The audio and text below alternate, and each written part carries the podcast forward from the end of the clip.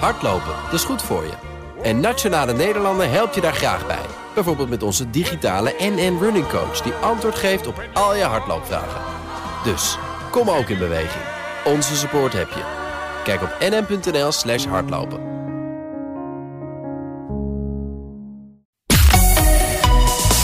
BNR Nieuwsradio. De AEX-factor. Jelle Maasbach.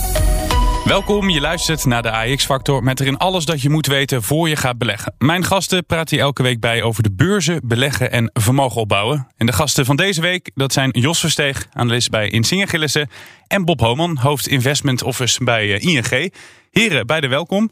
Dank. Het is eh, Black Friday. Al wat gekocht, Jos? Nee, ik dacht dat het volgende week was en dan ben ik meestal in het buitenland. Heb jij wat ingeslagen al, eh, Bob? Nee, eerlijk gezegd niet. Ik vraag dat, want uh, ja, uh, online winkelen is natuurlijk uh, alleen maar harder gegroeid in tijden van corona. Koopjezagers die slaan nu nog makkelijker hun slag. Ook vandaag dus met Black Friday bij Amazon, Bol.com en Coolblue. Maar zijn deze e-commerce bedrijven ook interessant als belegging? Nou, dat weten beide heren vast. Dat hoor je straks. Maar we beginnen met een greep uit het belangrijkste beursnieuws van de afgelopen week. Royal Dutch Shell is heeding London's call and getting ready to move its tax head office to Britain from the Netherlands. Het fiscaal onderdeel van Shell mag niet naar Londen vertrekken zonder belasting te betalen over de winst die het bedrijf jarenlang in Nederland behaalde. Ze krijgen dus nog een vertrekboete, tenminste als er aan GroenLinks ligt. Ze kiezen er dus voor om mee te doen in de, in de race naar de bodem tussen landen als het gaat om fiscale concurrentie. En GroenLinks strijdt daar al jaren tegen. En daarom is het heel logisch dat we met deze wet proberen uh, de belastingen waar we recht op hebben als samenleving, uh, die terug te claimen. Waarom uh, kiest Ahold Deleuze ervoor om bol.com mogelijk naar de beurs te brengen? Ja, wat zij zelf zeggen is dat uh, aandeelhouders en analisten heel veel behoefte hebben om de waarde van bol.com als apart bedrijf veel duidelijker inzichtelijk te krijgen. Hè? Ja, eerst naar Philips. Dat moet rekening houden met veel hogere schadeclaims in de affaire rondom apparatuur tegen slaapapneu. Volgens de Amerikaanse toezichthouder waren er al vanaf 2015 signalen dat het niet goed zat met die apparatuur en dat het mogelijk gevaar opleverde voor patiënten. En dat is opmerkelijk, want Philips zegt dat de problemen pas in april dit jaar duidelijk werden. Uh, heren, koers ging dinsdag 10% onderuit, vandaag weer. Jos, als ik met jou mag beginnen. Snap je dat beleggers hiervan uh, nerveus worden? Ja, absoluut. Want ik, het leek mij heel erg op wat er toen een paar jaar geleden bij de fabriek van de scanners in Cleveland was gebeurd. Daar ging ik eens een keer zoeken op internet en toen vond ik al waarschuwingen van de FDA jaren daarvoor. En Philips deed er blijkbaar niks aan. En hetzelfde is nu gebeurd bij die, uh, die, gezichtsmaskers. Waarbij ook al dus blijkbaar vele malen gewaarschuwd was. En ja, uiteindelijk de procedures. En dat vond ik eigenlijk het meest zorgelijke. Na al die lessen die ze geleerd hebben. Want het is de derde keer al. We hebben de Cleveland gehad, de scanners. We hebben de hartritme, de defibrillators gehad. En nu dan de gezicht, gezichtmaskers. Het bedrijf schijnt niet te leren van ja, de slechte procedures die ze hebben. Onvergetelijk. Je wil met als je, je wil sowieso geen ruzie met de toezichthouder. Maar als je met één geen ruzie wil hebben, is het Amerikaanse toezicht. Nee. Nee, klopt. Nee, hoe, dat is dramatisch. Dit, dit, is toch niet een. Uh, je zou kunnen zeggen, ze hebben er geen actieve herinnering aan, zoals dat in de Nederlandse politiek heet. Maar dit is wel wat meer, toch? Ja, ik heb er ook nog wel behoorlijk wat wisselingen gezien van leiderschap uh, in, in, die, uh, in die hele markt. En, nou, ik kan me nog heel goed herinneren toen Frans van Houten Philips kwam leiden. Dat had Kleisterlegger gezegd: ga maar een half jaar door, door de wereld reizen. Ga maar eens kijken hoe Philips erbij staat. En het verbijsterde mij toen al wat, wat Frans toen zei: van ja, nou ja, het zijn wel heel veel aparte bedrijfjes die allemaal hun eigen dingetje doen. En het is niet echt één, één geheel. Ja, en dat, dat zie je hier nu, hier nu weer terug. Iedereen doet waar hij zelf zin in heeft. En het is heel moeilijk om dat echt allemaal in lijn te krijgen. Dat blijkt ook weer als het je drie keer overkomt. Ja, hoe kijk jij daarnaar, Bob? Drie keer is inderdaad wel veel. Ja, dan wordt het geen incident meer. Hè? Want een incident, nou ja, dat vergeten beleggers uh, vaak. Maar dit lijkt structureel te zijn. En ik vind het ook wel zorgwekkend. Het gaat volgens mij om 4 miljoen uh, van die apparaten. 3,5 miljoen, ja. Ja, ze hebben volgens mij iets van een half miljard gereserveerd nu. En dat is dan een ruime 100 euro uh, per persoon. Ja, alleen al het heen en weer brengen van zo'n apparaat ben je dat al aan kwijt, denk ik. Dus dat lijkt te weinig, echt te weinig. En zeker niet, hè, waar we het net over hadden, als ze het al eerder wisten. Ja, dan kunnen ze ook nog een extra schadevergoeding claimen. Hè, daar hebben ze dan echt wel grond voor. Ja, en dan is die, die half miljard denk ik echt te weinig. En dan komt denk ik bij dat Philips ook en voor dit jaar, nou wat is het, maar een paar procent groeit. Hè, ook, ook duidelijk onder eerder afgegeven verwachtingen. Ja, dat betekent dat Philips nu en je zou ook zeggen voor 2022, eh, ondanks die koersdaling, ehm, nou niet een heel aantrekkelijke belegging is. Nee, en eh, dit dus echt zwaar op het bedrijf gaat drukken, deze, deze schadeclaims, uh, Jos. Ja, want het- Maar wat denk jij? De half miljard heeft eh, Bob het over. hè? Inderdaad, dat was ap- apart gezet. Wa- Waar moeten we aan denken wat ze eigenlijk Nee. achteraan moeten hebben? Daar heeft Bob wel gelijk in, want het, het ergste moet misschien nog komen. En het is dit kwartaal is, loopt er een onderzoek naar of die, die gassen ook echt eh, carcinogeen zijn, dus kankerverwekkend.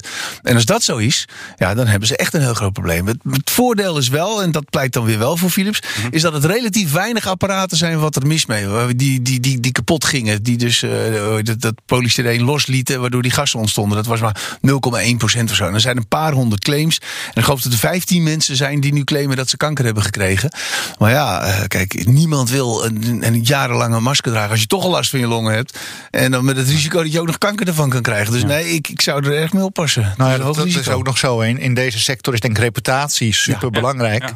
Dus ook voor andere apparaten. ehm, ja, dan, voor je dan een, een, een, een nieuw apparaat van hetzelfde merk koopt, ja, ga je toch een keer eh, extra kijken, denk ik. Ja, Bob, eh, ik ben altijd gek op eh, statistieken. Dit is wel een pijnlijke statistiek voor Philips. Die daling van 10% is de grootste voor Philips onder topman Frans van Hout. En de grootste sinds 9-11. Wat zegt dat? Dat er echt wat aan de hand is. Ja, ze hebben, kijk, met die gezichtsmaskers zijn ze marktleider. Hè? Dus iets van twee derde van de markt. En hoe kan je dat zo verspelen? Die Resmet is de nummer twee, die heeft ongeveer een derde van de markt. Nou, die kan de gezichtsmaskers niet aandragen op dit moment. Dus ja, zo voorspelen. Dat hebben ze bij die scanners ook gedaan. Ze hebben enorme last gehad om, om die, dat marktaandeel weer terug te winnen. Dus ja, dramatisch. Ehm, het is allemaal eh, gebeurd onder de leiding van één man, Frans van Houten. Kan hij nog wel aanblijven? Ik vind dat Frans van Houten wel eh, heel veel gedaan heeft om, eh, om in ieder geval Philips eh, structureel uit de problemen te halen. Hij heeft de, de durf gehad om, om het voor een groot gedeelte eh, eh, uitverkoop te houden, om het op te splitsen. Ik vind zelf dat hij nog verder zou moeten opsplitsen. Eigenlijk zou Philips denk ik het beste af zijn als ze gewoon die, die, die consumentenelektronica gaan, gaan doen. Hè? De scheerapparaten en dat soort zaken. Daar zijn ze heel goed in. Echt erg goed. En ja, daar, laten ze zich daar maar op concentreren. Maar ja, nee, ik denk dat Frans van Houten... eh, ja, dat is eigenlijk wel een goede vraag. Ik denk dat, Ja, ik denk dat hij wel blijft fouten- hoor. Ja, als je zulke fouten maakt. Als je, je hebt het over drie keer een aanvaring eigenlijk met de FDA. Toch een belangrijke markt. In eh, Amerika, Bob zegt het, het drukt op je reputatie. Er zijn toch mensen voor minder ontslagen? Ja. Er is ook iemand anders die verder kan met het... eh, Je overvalt me er eigenlijk een beetje mee. Maar Ja? misschien heb je wel ik gelijk. dacht, dat, dat ligt wel voor de hand. Bob, Ja. overval ik jou ermee met die vraag? Nou ja, ik denk dat ik er niet over ga. Hè. Dat is dus eh, het, het allerbelangrijkste. Ik denk, hè, wat Jos zegt, die omvorming naar gezondheidszorgbedrijf is, is heel goed gelukt. Maar ja. er zitten ook een paar dingen die, eh, die wat minder gaan. Maar goed, hoe ze, dat is een interne zaak, denk ik, hoe, hoe ze daar verder mee moeten omgaan. Ja, eh, dan naar een eh, eeuwenoud Nederlands bedrijf. eh, dat binnenkort niet meer Nederlands is. Shell. Dat neemt afscheid van de titel Royal en ook van het Dutch gedeelte. Het, jij zegt net, Jos, je overvalt me ermee. Het demissionair kabinet voelde zich ook overvallen door dit besluit. Snap je dat? Dat eh zij ja, overvallen dat zijn. wel. Ze, ze, ze werden zondags gebeld, geloof ik, eh, dat, dat, het eindelijk zover was. Ja, kijk, het zou, zouden er niet door overvallen moeten zijn. Hè. Ik bedoel, er zijn genoeg signalen gekomen van Shell dat ze die dividendbelasting, dat ze dat goed dwars zit. Dat is één. Maar kijk, eh, Shell was er in 2000 of in 1907 is het uiteindelijk is, zijn er twee bedrijven geweest met één moederbedrijf. En in 2005 kwamen ze erachter dat dat, dat toch niet zo handig was. Eh, ook na een schandaal hè, met de reserves. Of niet ook na een schandaal, na een schandaal met die, met die oliereserves die verkeerd eh, geboekt waren. En toen dachten ze, ja, we moeten toch wat slagvaardiger zijn. Dat met die twee bedrijven, dat werkt niet goed. Dus we moeten maar één bedrijf worden. Nou, toen bleek, ja, dat kwam er niet helemaal door. Toen hebben ze het half gedaan. Maar eigenlijk, dat schreven ze in het persbericht ook van, ja, dit is een proces waar we naartoe willen. En die Britten, die wilden al heel lang de macht hebben. En eigenlijk is het heel bijzonder dat de Nederlanders met 60% van het bedrijf, ja, het bedrijf hebben laten gaan naar, naar Ja. het, het VK met 40% van de aandeelhouders. Ja, het is natuurlijk ook een beetje eh, onze trots, eh, Bob, dat we eh, Shell Dutch willen laten zijn. Hè? De koninklijke olies. Maar is, is het ook erg dat ze gaan? Nou ja, vooralsnog wordt aangekondigd, hè, het is het hoofdkantoor en, en dat bestaat geloof ik uit, uit tien mensen hè, die, Ja. die overgaan. Maar uiteindelijk volgt er dan natuurlijk wel, ehm, wel meer. Dus ik denk dat het jammer is. Ik snap het wel dat men naar één aandelenstructuur wil, hè, met die A en B aandelen. Zeker met die grote aandelen inkoopprogramma's die Shell doet, is, is het een, nou ja, niet een, een complicerende factor.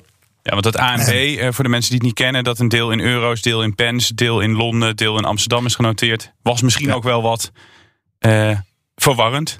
Klopt, ja. En, en, en zeker als de, daar, eh, op, dat je het aandelenprogramma eigenlijk alleen op die B-aandelen kunt doen. Dat trekt de markt dan die prijsverschillen wel weer recht. Maar goed, het is allemaal complicerend. Dus ik snap, snap het wel. Ik vind wel jammer dat ze niet voor Nederland gekozen hebben. Maar ook dat is misschien. de, de Nederlandse publieke opinie over Shell is toch van. Het is een oliebedrijf die flink vervuilend is. Terwijl in het buitenland Shell vaak wel gezien wordt als. Het is een oliebedrijf die in ieder geval bezig is met eh, Ja, die wel een, wat, een eh, omslag. Dus misschien ook die publieke perceptie, die dan ook in beleid vanuit eh, de overheid wat terugkomt, eh, speelt misschien ook wel een rol. Wat betekent dit voor, eh, voor je als belegger dat, dat Shell Nederland verlaat? Helemaal niks. De, de aandeelhouders houden exact dezelfde rechten. Jos, wij hadden het heel vaak op BNR met jou over Third Point. Hè? Ja. Die Amerikanen die zeiden Ja. we gaan Shell op, opbreken. Heeft dit er nog mee te maken? Ja, ze zeiden zelf van niet, maar ik denk dat het op de achtergrond wel speelt. Want Ja? ik, ik zei net van, ze hadden natuurlijk dat schandaal gehad met die reserves, waardoor ze ja, toch ook weer aangevallen werden. Hè, van, eh, dat kan niet. En je ziet nu ook dat er toch wel de druk wordt opgevoerd hè, om dat te gaan doen. En als je nou naar, ik denk, ik heb toen eh, die, die, niet die brief, maar een, de- eh, kwartaalrapportage van Daniel Loop toen is, is gelezen. Ja. En dan legt hij heel duidelijk uit van, van ja, als je nou die, die marketing, hè, ze krijgen binnenkort heel veel elektrische oplaadpunten. Over een paar jaar hebben ze, ja, ik weet niet, echt een boel. Eh, als je die marketing optelt bij de LNG. En LNG zou je dan voor het, voor, voor het, voor het net eh, dan ook als milieuvriendelijk kunnen doen. Hè. Dat heeft veel minder CO2-uitstoot. Dan kom je op een enterprise value, dus de eigen vermogen plus de schulden, van iets van 230 miljard. En dan heeft hij hele conservatieve waarderingsgronden gedaan. En dat is de huidige eh, eh, enterprise value van Shell. Dus dan krijg je dus de, het olie, het vervuilende oliedeel erbij. Dus dat opsplitsen, ja, dat zou enorm veel zin hebben. Alleen ik denk niet dat Shell het doet. Dus, maar als je er zo naar kijkt, is Shell enorm ondergewaardeerd. Dan zou het heel verstandig zijn als ze het op zouden splitsen. Ja, op zouden splitsen. Ik hoorde ook iemand zeggen, en ik weet niet meer precies wie. Bob, nou ja, jij vindt het jammer. Je gaat ze net- net niet eh, voor, die, voor de poort opwachten daar op Schiphol. maar je zegt het is jammer dat ze gaan. Ehm, maar iemand zei ook, nou als ze gaan, dan moet je ze ook maar van de AX af. Nee, dat hoeft natuurlijk helemaal niet. Want dat, dat, eh, dat geldt natuurlijk ook voor Unilever, die ook al uh, Brits is geworden. wel gewoon blijven. Maar dat is gewoon eh, nog ook in de AX een, een belangrijk bedrijf. En dat, dat vind ik wel ook qua historie, ja. dat, dat zou zo moeten blijven. Ja, is Shell dan nog steeds een interessante aandeel, Jos? Ondanks alles wat er nu bij komt kijken. Dat vind ik dus heel moeilijk. Maar zoals ik, zoals ik net- vertelde, van, van, ik denk dat het behoorlijk ondergewaardeerd is. In principe. Het, het, eh, nou, kijk maar, die koers. eh, als we- 30 jaar geleden waren ze ongeveer even, eh, eh, waren stond, de koers even hoog. Dus ja, ik, ik, denk wel dat het heel erg ondergewaardeerd is. Maar of die onderwaardering eruit komt, nou, dat, eh, dat kun je je nog wel af gaan vragen. Ik, ik denk niet dat Shell dat echt gaat doen, dat, eh, dat opsplitsen. Maar je moet er wel rekening mee houden. Dus ja, ik zou niet zeggen nu je moet Shell verkopen. Alhoewel ik het zelf al verkocht heb, want ik wilde zelf niet meer in beleggen. Maar ja, ik denk wel, eh, het is echt wel goedkoop. Hè. Koerswinst is 9, met winstgroei die verwacht wordt voor volgend jaar. Zit je op een koerswinst van 7. Dividend, wat is het, 4,5 procent. Vind ik best aantrekkelijk. En dat opsplitsen, ja, ik zou er niet zo voor zijn. Want ik denk juist hè, dat als je uit eh, de cashflow die uit olie en gas komt... als je daar een duurzame transitie uit kunt financieren... is dat misschien voor de aandeelhouders niet optimaal, hè, want dan brengt splitsing misschien meer op. Maar op lange termijn denk ik dat voor het bedrijf en daarmee uiteindelijk ook voor lange termijn aandeelhouders wel goed is. De AEX-factor. Jelle Maasbach. We zouden het bijna vergeten, maar het kwartaalseizoen loopt nog. Met volgende week cijfers van onder meer investeringsmaatschappij HAL. Reden voor mijn collega Guy Hoeks om in dat bedrijf te duiken voor de AX-factor. Guy, welkom. Hoi eh, Jelle. Eerst maar even, van wat kennen we HAL allemaal ook alweer? HAL is onder meer eh, bekend van investeringen in bedrijven zoals Boskalis, Vopak, SBM Offshore. Maar natuurlijk ook eh, FD Mediagroep waar eh, BNR onder valt. Ehm, en misschien in de laatste plaats ook wel bekend vanwege de investeringen in Grand Vision. Dus dat is het moederbedrijf natuurlijk, optiekketen van iWish, van Pearl. eh, die afgelopen tijd ook in een overnamestrijd verwikkeld was met Es- Essilor eh, Luxottica. Dus dat is een hele moeilijke naam. Ja. Frans-Italiaanse eigenaar van, van Raven is dat. Het is wel echt een interessant bedrijf, want het heeft echt een gespreide portfolio. Is altijd dan Nou, spannend om te kijken hoe zij door de coronacrisis zijn gekomen. Hebben ze daardoor ook door die spreiding eh, minder last van corona, denk jij? Dat is natuurlijk altijd even de vraag. Uh, ik denk dat deze investeerder dus inderdaad er goed aan heeft gedaan om een uh, portefeuille te hebben, om, om, een portfolio te hebben van bedrijven.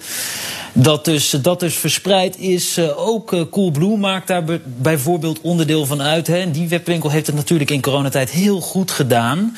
Maar wilde onlangs wel naar de, naar de beurs toe en heeft dat, en heeft dat opnieuw afgezegd. Dus dat, of afgeblazen, die beursgang. Dus, dus dat wil niet heel veel zeggen. Maar vooral zijn er behoorlijk wat, wat, wat, uh, wat kansen met die bedrijven waarin ze geïnvesteerd hebben. Ja, behoorlijk wat kansen. Die bedrijven zelf zijn misschien wel open. Maar Hal zelf is echt een gesloten bolwerk. Kun je uitleggen hoe dat komt? Hal is uh, eigendom van de Rotterdamse ondernemersfamilie uh, Van der Vorm. Uh, die, die zoekt eigenlijk zelden tot, tot nooit de publiciteit. de holdingmaatschappij zit ook gevestigd op Curaçao, dus ver weg. Het is natuurlijk wel Nederlands grondgebied, maar ver weg. Um, en Van der Vorm is ook niet meer betrokken bij de dagelijkse leiding van, dat, van die investeringsmaatschappij. Dus nou ja, het gaat er allemaal een beetje gesloten aan toe dus inderdaad. Nog even kort die resultaten die dus volgende week eh, uitkomen, die derde kwartaalcijfers. Kan je er wat over zeggen? Het is lastig om daar, om daar iets concreets over te zeggen. Uh, bijvoorbeeld vorig jaar deed, uh, deed Hal geen uitspraak over de verwachte winst van dat jaar. Dus dat is precies dezelfde periode, maar dan een jaar geleden. Uh, maar het resultaat zal afhangen van die beursgeno beursgenoteerde bedrijven waar het een belang in heeft. Zoals Grand Vision en bijvoorbeeld ook Boskalis. En Boskalis heeft bijvoorbeeld een goed jaar. Hè? Hey, Guy Hoeks, dankjewel dat je voor ons in Hal wilde duiken. De AEX-factor. Jelle Maasbach. Ja, het uh, hoge woord is eruit. Ahold brengt bol.com naar de beurs. In de tweede helft van volgend jaar moet dat alles gaan gebeuren. Het geld moet gebruikt worden voor de groei van de webreus. En uh, Ahold houdt dan een groot belang.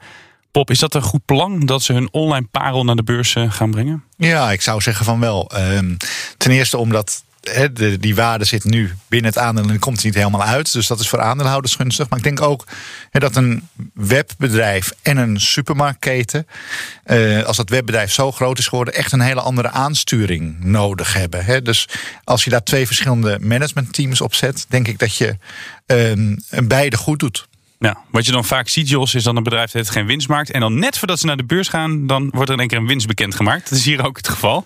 Is dat toeval of is dat wel uh, ja, ook wel goed dat ze dat uh, nu bekendmaken? Wordt die beursgang daardoor interessanter? Ja, ik weet niet of dat veel uitmaakt. Maar het is wel gebruikelijk vaak om uh, ja, wat meer duidelijkheid te hebben. Van als je ook al laten zien van dat je uh, ja, operationeel winst maakt. Dat is toch wel prettig. Maar ik denk dat beleggers er ook wel doorheen kijken als, als dat niet zo is. Maar dat, het dan, dat het, je het uit de historie ziet, dat het er wel aankomt, ja. ja Aldo is wel een bedrijf waar we het vaak met jou over hebben gehad. Maar bol.com, is dat een interessant bedrijf? Ja, ik denk het wel. Uh, het, is, uh, het heeft een heel sterk marktaandeel in de Benelux. Hè, bijna 43 procent, uh, geloof ik. En het is groter dan de 2, 3 en 4. Um, het, het, is heel mooi. Ze hebben in die conference call uh, die deze week was, geloof ik, uh, uitgelegd dat ze heel, die, die omni-strategie willen maken. Met, met uh, bol.com, maar ook integreren, veel meer integreren met Albert Heijn en met Gal en Gal. waardoor ze ja, die bezorgdiensten, die e-commerce activiteiten wat sterker aan kunnen zetten. Dus ik denk dat het wel, ik denk dat het wel een aardig bedrijf is. Zet je het af tegen Amazon, ja, dan is het toch wel een lastig punt. Maar ik denk dat die hele markt, zeker in Nederland, nog wel zoveel groei heeft. dat er voor beide nog wel veel ruimte is. Bol heeft een, uh, ja, een hele goede naam. Dus kan maar, toch nog wel een interessant aandeel worden? Ja, dat denk ik wel. Maar ja, als je mij vraagt wie heb je liever, dan zou ik Amazon uh, zeggen. Ja. ja. Bob, ik ben een beetje sceptisch de, deze uitzending. Um, maar Elliot, de activistische partij, de grote vrienden wou ik zeggen van AXO, maar in ieder geval die daar de boel op stelt hebben gezet, uh, die hebben een brief geschreven aan Aal Delhaize, splits deels pol.com af. Nu gaan ze dat doen. En uh, Aalde, hè, ze zegt dat heeft er niks mee te maken. Maar denk jij dat Elliot achter de schermen toch even... Ja, tuurlijk. Druk heeft uitgeoefend? Uh, of misschien nou ja, het laatste zetje gegeven? Misschien het laatste zetje geven, inderdaad. Van, als je dat dan weet, van ja, waarom zou je dan niet net voor zijn? Dat is, uh, dat is denk ik best, uh, best aardig. En ik denk... Um, ik vind, ik vind Bol best een, een interessant bedrijf. Het groeit echt wel, wel goed. Deze jaren denk ik wel 50% Misschien een beetje ingegeven door COVID. Maar ook daarvoor en eh, daarna, volgens prognoses, nog 30% groei per jaar. Natuurlijk ook heel aardig. En dat is een, een vergelijking met Amazon is dan wel heel goed. Ze missen natuurlijk die cloud. Maar wel ook dat intussen meer eh, dan de helft van de omzet van derde partijen komt en niet van hun eigen producten. Ja, dat is dan wel een, een sterk businessmodel, denk ik. Ja, dus er zit nog wel potentie zelfs nog in eh, bol.com. Ze zijn niet eh, uitgegroeid, Jos. Nee, dat denk ik zeker niet. En wat ook wel mee zal spelen, van als, als, het, als, als beleggers dat ook zien en het krijgt een hogere waardering, dan zal mo- mogelijk ook de financiering wat makkelijker worden. Kijk, Amazon heeft inderdaad Amazon Web Services, een enorme cashflow. Eh, dus die, voor die, die kunnen de groei heel makkelijk financieren. En ook een hoge waardering trouwens. Maar dat dus, ja, als, als Ahold zou moeten emitteren. Maar ik denk dat niet dat ze dat, dat ze dat nodig hebben hoor. Maar ze hebben dus wel gezegd in die conference van dat, ze, dat er toch aanzienlijk meer geïnvesteerd moet worden dan ze oorspronkelijk hadden verwacht. Dus ze zitten nu op 3,5% van de omzet dat ze gaan investeren. En als je daarnaar kijkt, dan zie je dat de vrije kaststroom ook enigszins tegenviel eh, wat, ze, wat ze melden. Mhm. Eh, Boppen zijn soms wat lekker chauvinistisch met z'n allen als het om die Hollandse aandelen aankomt. Nou, Shell zwaaien we binnenkort uit. Is dit dan zo'n echt lekker Nederlands aandeel wat we er- erbij gaan krijgen? Ja, eh, bol.com bedoel je dan? Ja. Ja, ja, dat lijkt me wel. Ja. Ja. En ja, ik denk dat je als belegger niet echt chauvinistisch moet zijn. Hè. Je moet het echt vergelijken met andere eh, bedrijven in, eh, in de wereld. Ehm, maar dan, dan zou je kunnen zeggen, op wereldschaal speelt bol.com misschien niet zo'n hele grote rol. Ehm, maar kan je als je daarin verdiept en je zegt van, oh, ehm, juist omdat het niet op wereldschaal ehm, meespeelt, is het misschien straks net iets goedkoper dan Amazon. Hè? En, en dan moet je die cloud eigenlijk wegrekenen. Ehm nou, kan het best aantrekkelijk zijn. Ja, denk je dat ook, eh, Jos? Ahold? En bol.com? Ja, Bob, nee, Bob.com, eh, wat ik net zei, dat, vond ik wel, vind ik, dat vind ik wel aantrekkelijk. En Ahold hebben we zelf ook in ons beheerportefeuille. Een, eh, een prima bedrijf, doet het goed. Relatief vergeleken met andere bedrijven in de sector doen ze het ook goed. Eh, ja, prima rendementen. Ik denk dat het een hele, hele aardige belegging is. De AEX-factor. Jelle Maasbach. Bij mij nog altijd Jos Versteeg, analist bij Insinger Gillissen... en Bob Homan, hoofd Investment Office bij ING. Heren, we hebben het eh, over bol.com gehad, een winstgevend eh, e-commerce bedrijf. Eh, zien jullie meer appetijt, Bob, voor zulke ondernemingen onder beleggers? Zijn dit soort bedrijven een beetje populair? Nou ja, Amazon blijft populair. Ik denk dit jaar maken ze ook weer 20% rendement. Blijven ze wel iets achter bij eh, de brede markt. Hè. Maar dat zie je wel vaker bij bedrijven die het jarenlang echt boven de markt presteren. Dan moet het een beetje in zijn koers groeien. Ehm, maar het is denk ik wel heel verschillend. Hè? Als je kijkt bijvoorbeeld naar eh, Alibaba, die eh, deze week ook met eh, cijfers is gekomen. Ja, die heeft in China wel moeilijk, omdat de Chinese overheid wil meer concurrentie. En dat is ook gelukt. Hè, de concurrerende platforms hebben klanten weggekaapt bij, eh, bij Alibaba. En eh, de- daar zie je dus ook de winstverwachting, die ook nog 30% is vaak het, het getal hè, wat de winst groeit eh, in de jaren. Ja, die moeten ze terugschalen naar begin 20 eh, procent. Dus dat is dan een tegenvaller. Ehm andere kant is, voor dit soort bedrijven betaal je dus meestal wel aardig wat in koers-winstverhouding, omdat ze zo hard groeien. Maar ik denk, oh, dat heeft denk ik bewezen. Nou, nu zitten we weer misschien wat meer in een lockdown, maar ook toen de winkels weer open waren, dat die e-commerce is here to stay en, en blijft ook nog steeds groeien. Ja. Eh, en, en, en wat maakt die e-commerce bedrijven dan zo aantrekkelijk?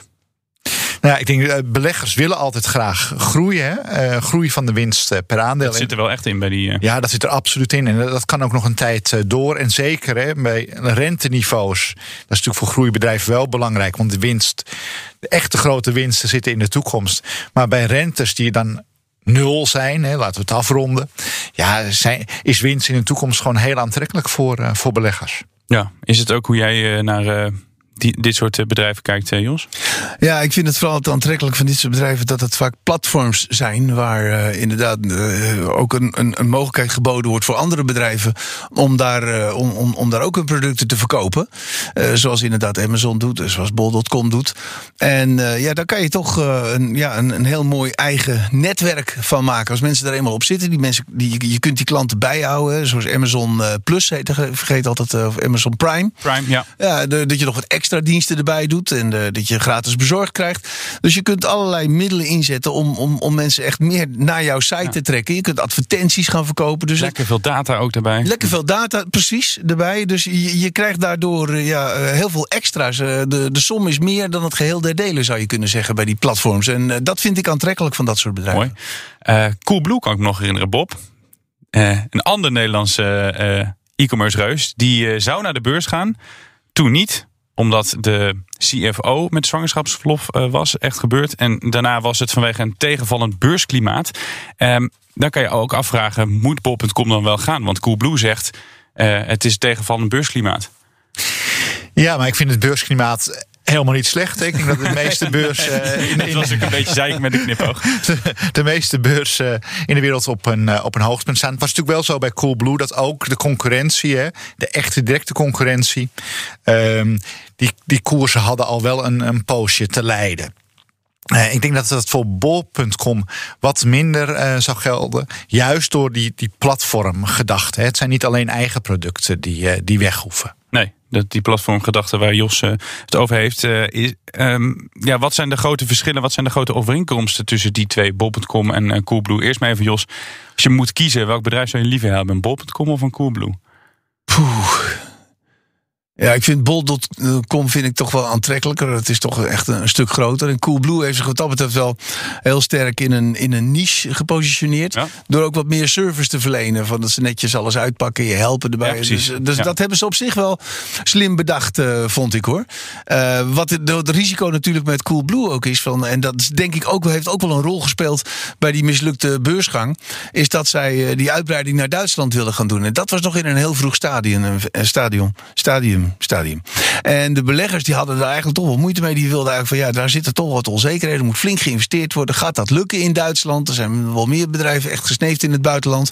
En die hadden daardoor geen trek om de hoofdprijs te betalen. En ja, dat, is, dat verhaal van die markt, dat vond ik maar een tweede punt. Kijk, wat, wat er ook wel meespeelt met, met Coolblue. Ze verkopen toch wel meer eh, high price tickets noemen ze dat. Echt veel duurdere dingen. TV's, wasmachines en zo. En toen die beursgang er kwam, toen was er ook wel wat meer aarzeling over de economie. En dan, dan zie je dat dat soort bedrijven ook wat gevoeliger. Dus die, de, daar heb je kans dat de omzet wat sneller inzakt bij, bij, bij Coolblue dan bij Bol.com. Waar er veel meer goedkopere producten ook zitten. Een boek of zo. Dat Ja, die blijven we wel kopen, maar die, Die die gaan we dan eh, Ja, misschien precies. eh, uitstellen. Ja, en, en ik denk dat eh, Coolblue bezorgt zelf een, eh, een belangrijk deel van zijn artikelen. En dat gaven ze ook aan. Hebben dan, en, en met extra service veel moeite om personeel ehm, te vinden. Ja, en dat. Dat is een bekend verschijnsel, denk ik, hè, op, dit, eh, op dit moment.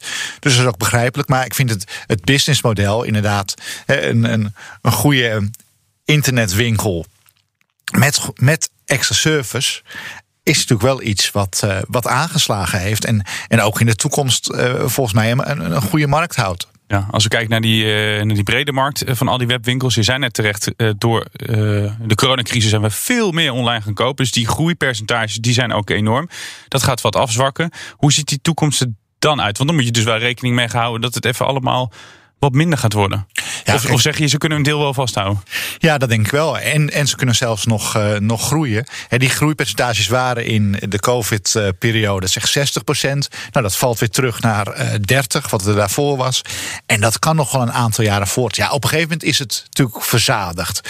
Maar dat, dat punt zitten we nog, nog, nog lang niet. Hè. Vaak denk je, ja, het is nu wel uitgespeeld. Nee, eh, die beweging gaat echt nog wel een tijdje verder. Ja, verwacht je dat ook, Jos? Dat dit nog wel even... Ja, dat denk ik zeker. Eh, Dat de, de, de wereld staat voor grote veranderingen. En eh, ja, ik denk dat dat heel erg, heel erg gaat veranderen. Het is ook veel makkelijker om, eh, om het via een e-commerce platform zaken te verkopen.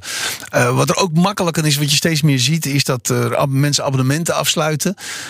voor scheermesjes, noem maar op, zelfs luiers die op tijd bezorgd worden. En ja, veel mensen vinden toch, vinden toch het gemak. Hè. Kijk, steeds meer mensen in, in, in, in westerse landen werken allebei. De man en de vrouw, of bijna iedereen, de meeste mensen. En dan is het toch heel gedoe om dat allemaal met pak luiers te halen. Dus ik kan me dat, dat gemak natuurlijk wel voorstellen. Dat, dat, dat veel meer mensen dat willen. Dat daar ook eh, de groei in zit. Ja, eh, en die blijft erin zitten. Ondanks, en we hebben het de hele tijd over het A-woord, Amazon. Die blijft een beetje over eh, deze twee bedrijven als, als, een, als een donkere wolk hangen. Ja, kijk, weet je, Die in, blijft in, wel het grote risico.